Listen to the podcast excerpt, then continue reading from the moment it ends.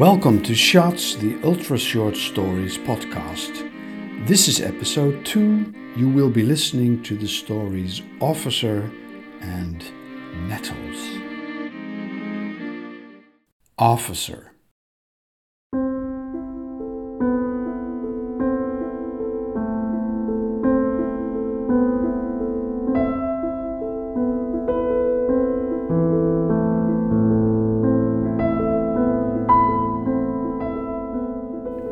Jesus, Christine, at least put that gun out of sight. Like this, you're scaring our customers away. Cherie is sitting on the stairs between the red walls that lead to the dressing room upstairs. She's wearing no more than would be needed at the very least for dancing around a pole here at the Chrome Club. With a sigh, Christine obeys the request, takes her coffee mug down a few steps, and sits below Cherie. I'm getting too old for this, she says.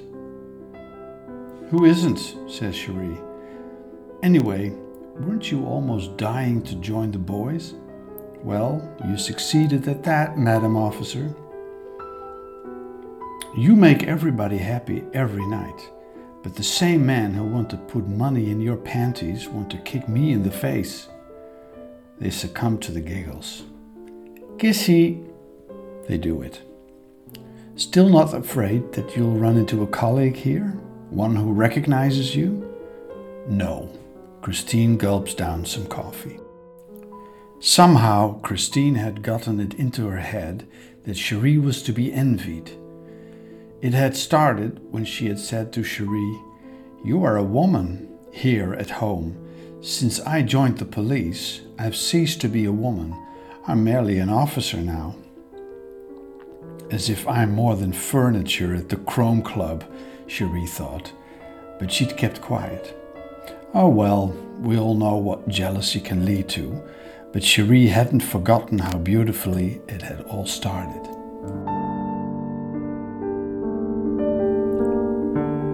How she fell in love when Christine, in full riot gear, had worked her against the ground during a demonstration for or against something.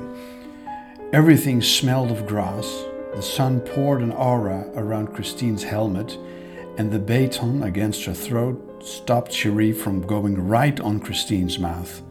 Wow, she'd moaned, with a voice cracking from tear gas, Christine wide legged on top of her.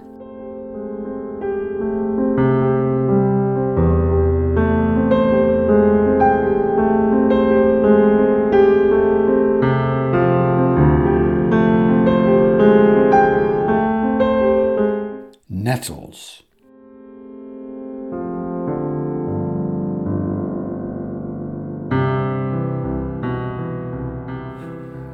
The stinging nettles are so high and abundant here that the girl holds her arms high above her head as she strolls through the backyard. She stands in that same position when she taps on the window of the room in which Leaf is sitting. Out of the corner of his eye, Leaf had seen the girl's arms approach. He didn't dare to open the door when she rang the doorbell, but now that the girl is standing at his window, he can no longer ignore her without her noticing. He gestures that the glass garden door is not locked. She pushes and enters in a cloud of springing nettles. Leaf pushes his sketch pad away from him too bad, he thinks.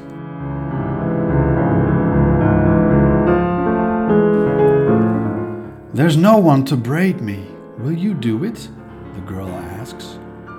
Was her name Esther? Leaf thinks. But says, Doesn't your father always braid you? My father is gone. Wait for him to come back. Mama doesn't want him to come back. Everything comes out the same angry, curtly. I can't braid. Oh, yes, you can. You braided Mama, and then she won the prize for the most beautiful braid of the year. Your mother was 11 then. The girl looks just as angry as before. Leaf wants to ask how she knows about her mother and him, and says he won't braid her. But the new balance of power between the sexes urges more caution than in his own early years. He gestures her to a chair in his studio, starts, pricks himself on a nettle leaf in the girl's hair. His hands tremble as she asks, Why didn't you ever braid Mama again? Yes, her name is Esther. He concentrates on this type of thought so we won't have to bother with the question.